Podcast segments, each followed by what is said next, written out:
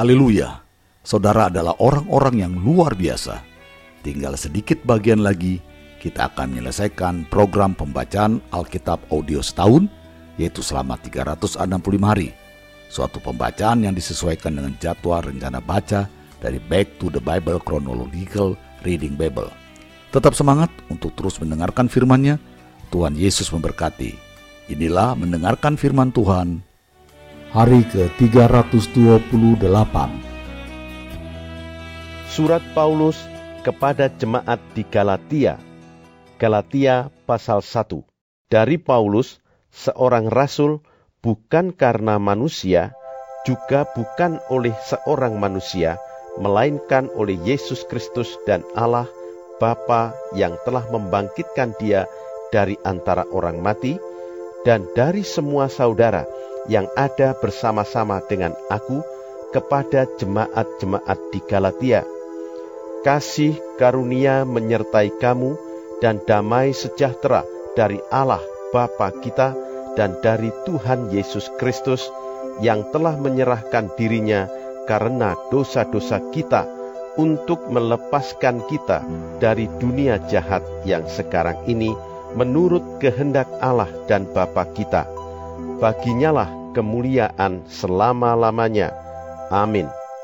Aku heran bahwa kamu begitu lekas berbalik daripada dia yang oleh kasih karunia Kristus telah memanggil kamu dan mengikuti suatu Injil lain yang sebenarnya bukan Injil hanya ada orang yang mengacaukan kamu dan yang bermaksud untuk memutarbalikkan Injil Kristus.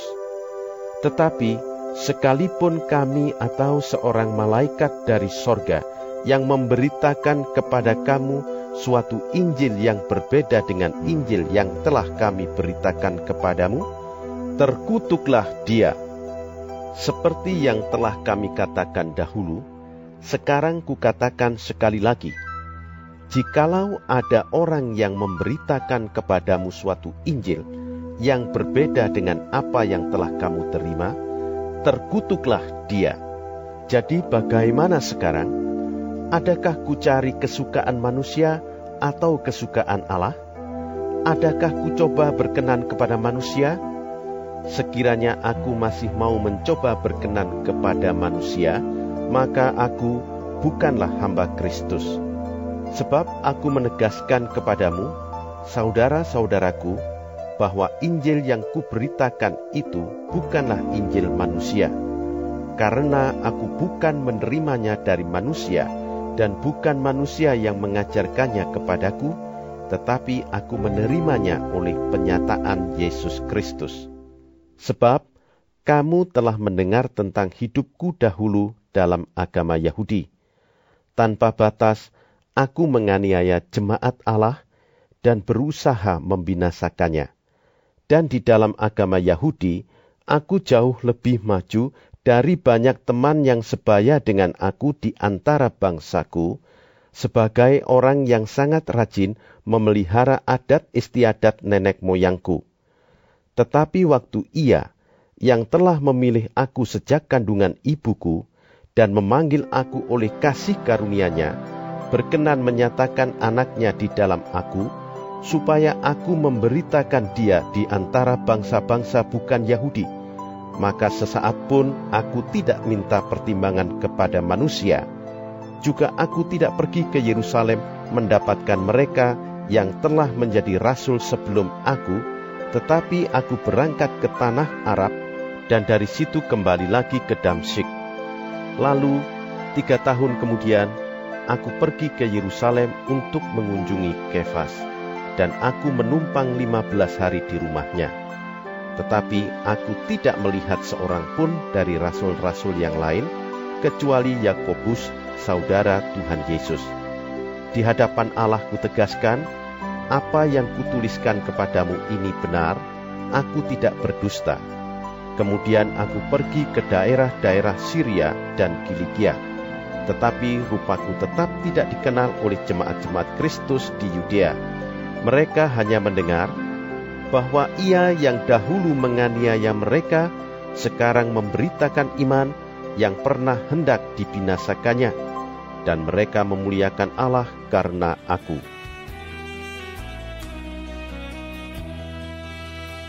Galatia pasal 2 Kemudian, setelah lewat 14 tahun, aku pergi pula ke Yerusalem dengan Barnabas dan Titus pun kubawa juga. Aku pergi berdasarkan suatu penyataan, dan kepada mereka kubentangkan Injil yang kuberitakan di antara bangsa-bangsa bukan Yahudi. Dalam percakapan tersendiri kepada mereka yang terpandang, supaya jangan dengan percuma aku berusaha atau telah berusaha. Tetapi kendati pun Titus yang bersama-sama dengan aku adalah seorang Yunani, namun ia tidak dipaksa untuk menyunatkan dirinya. Memang ada desakan dari saudara-saudara palsu yang menyusup masuk, yaitu mereka yang menyelundup ke dalam untuk menghadang kebebasan kita yang kita miliki di dalam Kristus Yesus, supaya dengan jalan itu mereka dapat memperhambakan kita. Tetapi sesaat pun kami tidak mau mundur dan tunduk kepada mereka, agar kebenaran Injil dapat tinggal tetap pada kamu. Dan mengenai mereka yang dianggap terpandang itu, bagaimana kedudukan mereka dahulu, itu tidak penting bagiku, sebab Allah tidak memandang muka. Bagaimanapun juga, mereka yang terpandang itu tidak memaksakan sesuatu yang lain kepadaku. Tetapi sebaliknya, setelah mereka melihat bahwa kepadaku telah dipercayakan pemberitaan Injil untuk orang-orang tak bersunat, sama seperti kepada Petrus untuk orang-orang bersunat, karena ia yang telah memberikan kekuatan kepada Petrus untuk menjadi rasul bagi orang-orang bersunat, ia juga yang telah memberikan kekuatan kepadaku untuk orang-orang yang tidak bersunat.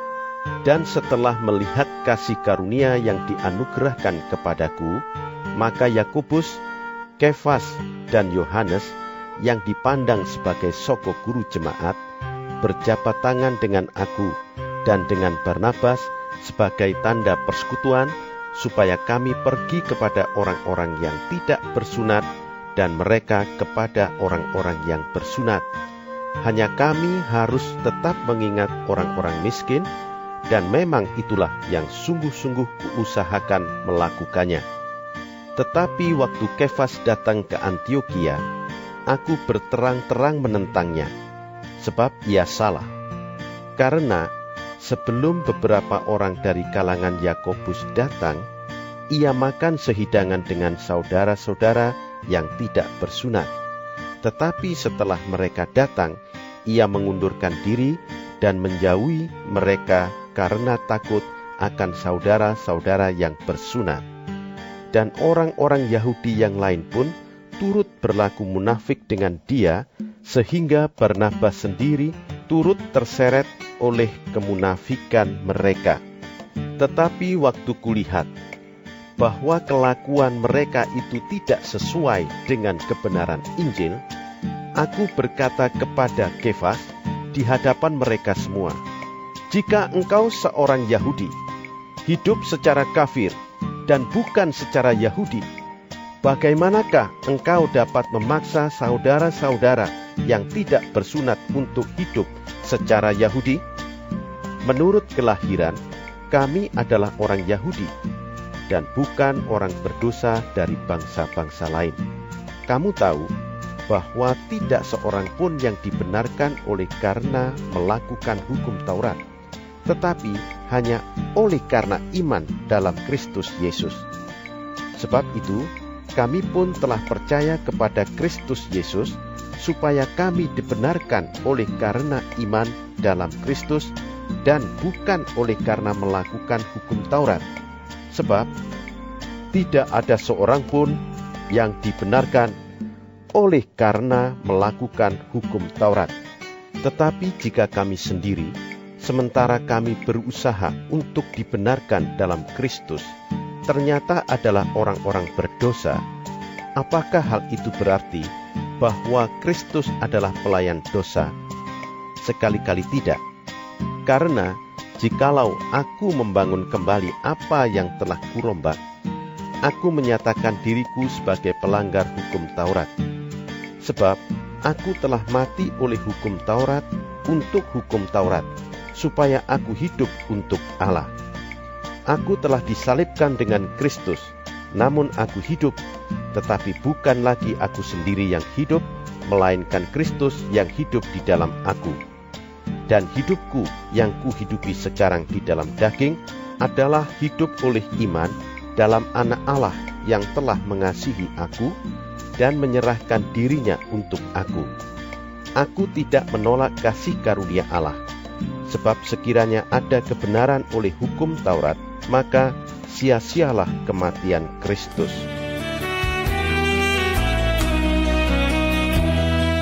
Galatia pasal 3 Hai orang-orang Galatia yang bodoh, siapakah yang telah mempesona kamu?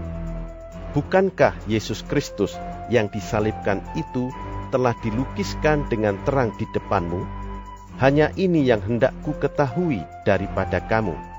Adakah kamu telah menerima roh karena melakukan hukum Taurat? Atau karena percaya kepada pemberitaan Injil? Adakah kamu sebodoh itu? Kamu telah mulai dengan roh. Maukah kamu sekarang mengakhirinya di dalam daging? Sia-siakah semua yang telah kamu alami sebanyak itu? Masakan sia-sia? Jadi bagaimana sekarang? Apakah ia yang menganugerahkan roh kepada kamu dengan berlimpah-limpah dan yang melakukan mujizat di antara kamu berbuat demikian karena kamu melakukan hukum Taurat atau karena kamu percaya kepada pemberitaan Injil? Secara itu jugalah Abraham percaya kepada Allah. Maka Allah memperhitungkan hal itu kepadanya sebagai kebenaran. Jadi kamu lihat bahwa mereka yang hidup dari iman mereka itulah anak-anak Abraham. Dan kitab suci yang sebelumnya mengetahui bahwa Allah membenarkan orang-orang bukan Yahudi oleh karena iman, telah terlebih dahulu memberitakan Injil kepada Abraham. Olehmu segala bangsa akan diberkati. Jadi, mereka yang hidup dari iman merekalah yang diberkati bersama-sama dengan Abraham yang beriman itu. Karena semua orang yang hidup dari pekerjaan hukum Taurat berada di bawah kutuk. Sebab ada tertulis, Terkutuklah orang yang tidak setia melakukan segala sesuatu yang tertulis dalam kitab hukum Taurat.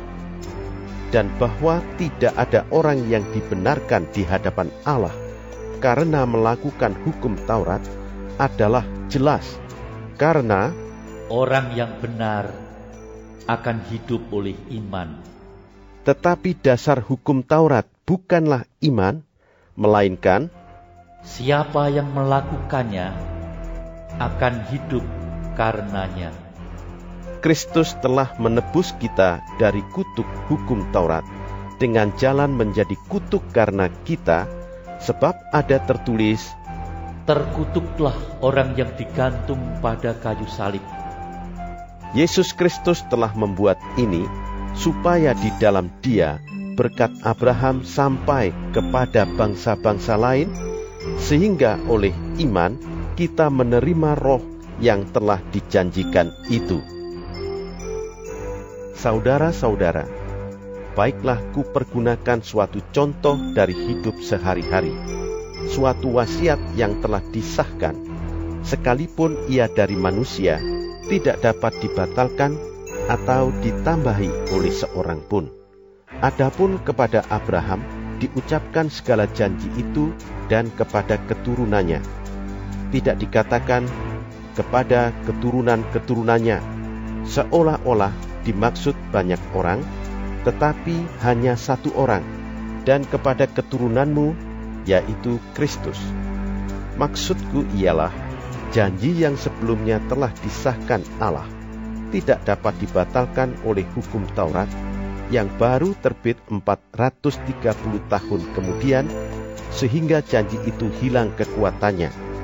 Sebab jikalau apa yang ditentukan Allah berasal dari hukum Taurat, ia tidak berasal dari janji, tetapi justru oleh janjilah Allah telah menganugerahkan kasih karunia-Nya kepada Abraham. Kalau demikian, apakah maksudnya hukum Taurat? Ia ditambahkan oleh karena pelanggaran-pelanggaran sampai datang keturunan yang dimaksud oleh janji itu dan ia disampaikan dengan perantaraan malaikat-malaikat ke dalam tangan seorang pengantara. Seorang pengantara bukan hanya mewakili satu orang saja, sedangkan Allah adalah satu.